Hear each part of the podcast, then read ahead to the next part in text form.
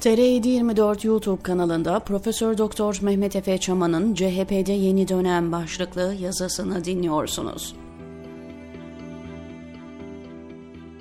CHP'de lider değişikliği oldu ve Kemal Kılıçdaroğlu dönemi kapandı. Özgür Özel CHP Genel Başkanı oldu. İçerikten bağımsız olarak bir siyasal partide parti içi prosedürleri işletilerek lider değişimi olması olumlu bir gelişmedir. Buna benzer bir olayın mesela AKP'de ya da MHP'de gerçekleşmesi mümkün değil. Elbette bu takdir edilmesi gereken bir durum. Diğer taraftan bu biçimsel değerlendirmenin yanında içeriksel açıdan değerlendirme yapmakta bir zorunluluktur. Bir lider değişimi CHP'yi nasıl etkileyecek? Partinin istikametinde bir değişim beklenebilir mi? Parti daha sola mı kayacak? CHP ideolojisinde bir değişim beklenmeli mi? Bu değişim partiyi sosyal demokrat bir çizgiye mi yaklaştırır yoksa milliyetçi bir yönelim mi beklenmeli? CHP'nin rejim içinde oynadığı rolde bir değişiklik meydana gelebilir mi? HDP ve Kürt siyasi hareketiyle ilişkiler nasıl etkilenecek? Diğer siyasal partilerle ilişkiler ne yönde gelişir? Yaklaşan yerel seçimlerde ne gibi bir strateji takip edilecek? Ekrem İmamoğlu ve Mansur Yavaş gibi etkili isimler Özgür Özel'le nasıl bir ilişki dinamiği içerisinde olacak? Bu geçici bir liderlik mi yoksa kalıcı bir liderlik mi? CHP bu yeni dönemde ana muhalefet olarak toplumu ikna edip iktidara yürüyebilir mi? CHP alelade bir parti değil, ana muhalefet ve Türkiye Cumhuriyeti'nin kurucu partisi. Bu nedenle yukarıdaki soruları yanıtlamak sadece CHP'yi daha iyi anlamak için gerekli değil. Aynı zamanda Türkiye'nin önümüzdeki yıllarda siyasal gidişatı bakımından da yaşamsal önem taşımaktadır. Öncelikle saptanması gereken CHP'deki en büyük kavganın yönelime ilişkin olduğudur. CHP eklektik bir parti. İçerisinde farklı geleneklerden gelen ve farklı hedefleri önceleyen gruplar var. Monolitik, yeknesak bir partiden bahsedemiyoruz. Bunun birçok başka sol partide alışıla gelmiş bir durum olduğu ileri sürülebilir. Ancak CHP'deki gruplar salt fraksiyonlar olarak anlaşılamaz. Partinin iki farklı motoru var. Bunlardan biri partiyi sosyal demokratlaştırmaya çalışıyor. Diğeri ise fabrika ayarlarına geri döndürmeye çalışıyor. Bu iki dinamik birbiriyle uyumlu değil. Sosyal demokrat ve ulusalcı gruplar birbiriyle latent ve bazen de açık bir mücadele halinde. Bu büyük kavganın galibi kim olacak? Merkezi soru budur ve en önce bu soru çözülmelidir. Kılıçdaroğlu CHP standartlarına göre sosyal demokrat bir liderdi. CHP'yi Türkiye'nin 2000'lerdeki sosyolojisine göre yeniden formüle etmeye çalıştı.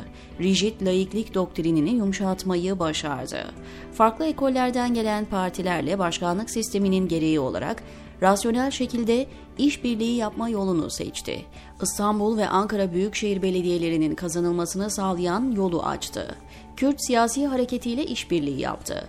CHP'yi geleceğe bakan bir partiye dönüştürmeye çalıştı. Ancak sorun şu ki CHP içerisinde birbirinden kopuk iki grup, azınlıkta olan sosyal demokratlar ve sayıca ağırlıklı kesimi oluşturan ulusalcılar, birbirlerine paralel olarak var olmaya devam ettiler. Ulusalcılar Kılıçdaroğlu'nun partiyi sola çekme, geçmişe eleştirel yaklaşma, Atatürkçülük ideolojisini yumuşatma girişimlerinden haz etmediler. Muhafazakar Kılıçdaroğlu yönelimini zafiyet olarak algıladılar. Partinin fabrika ayarlarına dönmesini savundular. Yanıtların geçmişte olduğuna, geçmişte izlenen yola geri dönülmesi gerektiğine yönelik tutumlarını yumuşatmadılar. Böylece CHP sürekli iki farklı yöne doğru kürek çeken ve ilerleyemeyen bir görünümde oldu.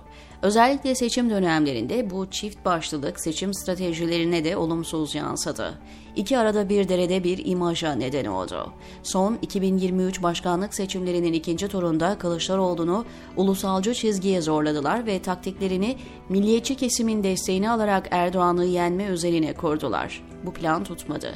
Esas ihtiyaç duyulan daha demokratik söylemler üzerine inşa edilecek, tutarlı bir sosyal demokrat program olmalıydı.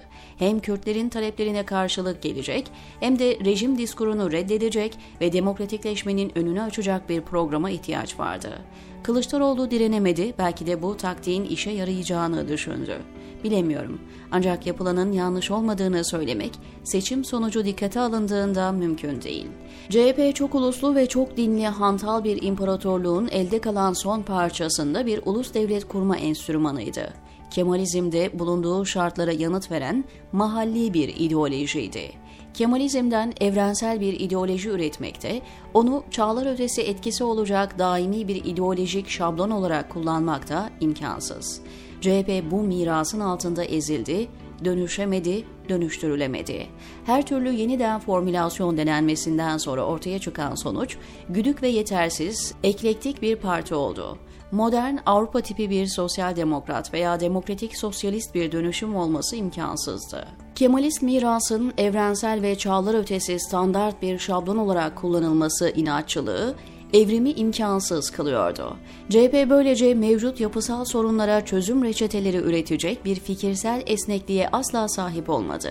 Mesela Türk üstünlükçü etnik tanımının dışına çıkamadılar. Sürekli ne mutlu Türk'üm diyene sloganının sivil bir kimlik için yeterli olduğunu öne sürdüler ama Kürtleri ve diğer etnik grupları tatmin edebilecek, coğrafyaya atıf yapan modern sivil bir üst kimliğe geçişe çok soğuk yaklaştılar. Herkesin Türklük etnisitesi altında asimile olmasını tek çözüm olarak görmeye devam ettiler. Aynı şekilde devletin tüm dinlerine mesafeli olması anlamında bir laikliği benimsemek yerine dini kontrol etmeye çalışan, devletli bir seküler, Hanefi, Sünni Türk vatandaşı idealize eden bir parti devletini savundular ve halktan kopuklukta ısrarcı oldular. Kılıçdaroğlu'nun bu tür konuların üstüne gidemeyişinin nedeni partideki statükocuların gücüydü. Örnekleri çoğaltmak mümkün. Özgür Özel, Kılıçdaroğlu'nun savunduklarının veya yapmaya çalıştıklarının tam aksini savunan bir kişilik. Kılıçdaroğlu'nun yaptıkları bile yetersizken, partinin Özgür Özel liderliğindeki ulusalcı kanadın etkisine geri dönmesi ve fabrika ayarlarına dönmekten yana olan sol nasyonalist grubun partiyi tamamıyla ele geçirmesi sanırım CHP'nin sosyal demokratlaşma macerasına da kalıcı bir darbe indirmiş olacak. Derin devletçi, ulusalcı 1930'ların ve 40'ların idealize edildiği, karşı devrime dur demek olarak özetlenebilecek yaklaşım CHP'ye egemen olacak. Partide kalan son sosyal demokratlar da ilerleyen zamanlarda kısmen HDP'ye, diğer sol partilere veya siyaset dışına yönelecekler. Ben hep CHP'nin asla sosyal demokratlaşamayacak bir parti olduğunu, Türkiye'nin sıfırdan başlayacak bir sosyal demokrat partiye ihtiyacı olduğunu savundum. Keşke haklı çıkmasaydım ama durum ortada. CHP 1930'ların ırk esaslı, Türk üstünlükçü, ulus kimliğiyle devlet tarafından tanımlanan ve kontrol edilen Sünni Hanefi Türk İslam'ını dayatmak olarak anlaşılan garip bir laiklik anlayışı arasında sıkışmış durumda. Bu ideolojik ve tarihsel bagaj üzerine modern bir sosyal demokrat parti kurmak olanaksız. Özgür Özel ve diğer ağır toplar Ekrem İmamoğlu ve Mansur Yavaş başta olmak üzere arasındaki ilişkiler ne şekilde gelişirse gelişsin bu zafiyetler devam edecek. Bu koşullar altında işbirliğine ve dönüşüme yönelen bir parti ortaya çıkmayacak. Ulusalcı ana akım sayesinde derin devletçi refleksler daha da belirginleşecek. Böyle bir partinin Türkiye'nin normalleşmesine katkıda bulunması, hele de bu normalleşmeyi yönetmesi çok olası görünmüyor diyor Mehmet Efe Çaman TR724'teki köşesinde.